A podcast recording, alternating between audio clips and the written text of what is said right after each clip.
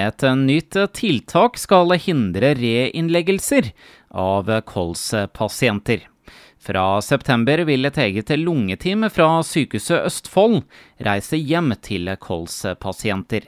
Seksjonsleder Irene Nordrum Hareide på lungepoliklinikken ved Sykehuset Østfold. Hvorfor ønsker dere å reise hjem til disse pasientene? Dette er en pasientgruppe som som ikke blir eh, høyt prioritert i sykehuset. Eh, vi har jo veldig mange pasienter, og vi har ikke mulighet til å, å kalle inn alle pasienter til sykehuset. Så Derfor har vi nå satt i gang et nytt tiltak med at vi skal reise hjem til de istedenfor. Og Er det fordi at dere ikke klarer å hjelpe alle på sykehuset? Uh, ja, det er en av årsakene. At vi ikke klarer det. Det er helt riktig. Men for å hindre reinnleggelser, er ikke det fordi at pasientene allerede har vært innlagt før? Eh, det stemmer. Eh, vi skal nå hjelpe de kolspasientene som er aller dårligst, som er hyppig innlagt på sykehuset pga. kolsforverrelser av ulike årsaker. Det er ofte at de får en lungebetennelse og må legges inn. Er det ikke tryggere å være på sykehuset enn at dere besøker det hjemme? Eh, det som er planen, da, som er hensikten med det her, er å besøke pasientene og møte de før de blir så alvorlig syke at de må legges inn på sykehus. Eh, det er både krevende for pasienten og krever masse ressurser i sykehuset. Så det her er, er et tiltak for å, å, forebygge at de skal bli syke da, og bli verre eh, med sin kols. Eh, med bl.a. infeksjoner. da. Hvis vi kommer tidlig inn til det hjemme og har hyppig kontakt, så kan vi sette i gang f.eks. antibiotikabehandling hjemme hos pasienten før det blir så dårlig at de må inn på sykehus. Irene, jeg syns også du skal også fortelle til de som ikke helt vet hva kols er. Hva er det?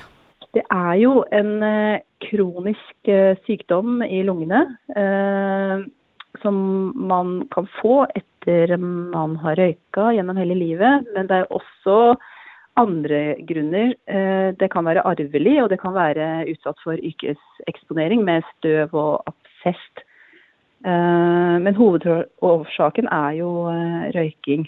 Eh, man får jo da svekka lungefunksjon og en, en kronisk respirasjonssvikt. Med, med, pustebesvær, masse slim, hoste etc. Man blir veldig redusert da. Og det er mange eldre som får dette? Ja, det er det. Det er godt voksne mennesker som har røyka i mange år, da. Men tilbake til det vi snakket om. Hva skal dere gjøre hjemme hos pasienten? Eh, vi er et, eh, vi er i vei til å etablere et team som består av eh, to sykepleiere, en fysioterapeut og så har man da en fagansvarlig lungelege. De som reiser ut til pasientene er sykepleierne og fysioterapeuten. Sykepleierne har som hovedoppgave å undersøke pasienten, hvordan pasienten har det, gjøre noen tester det er mye samtaler eh, og kartlegging av hva som er utfordringer der hjemme, og sette i gang behandling hjemme hos pasienten, slik at de slipper å legges inn på sykehuset. Vet du hvor, sånn cirka, hvor mange pasienter som uh, går innunder denne alvorlige graden av kols? Eh, akkurat det tallet er vi usikre på, men det kommer vi til å kartlegge i løpet av høsten. Eh, når vi skal begynne å, å ringe pasientene da, som, eh, som skal få tilbud. Men hvordan velger dere ut hvilke pasienter som skal få dette tilbudet? Vi har jo en fagansvarlig lege som setter uh, inklusjonskriteriene, som det heter. da, uh, og De pasientene det gjelder her, er de som har den alvorligste graden av kols. Grader 3 og 4, den går fra 1 til 4, uh, og bruker oksygen hjemme. Det er de alvorligste syke som hyppigst blir lagt inn på sykehus. Så det er pasientgruppa vi skal begynne med, da.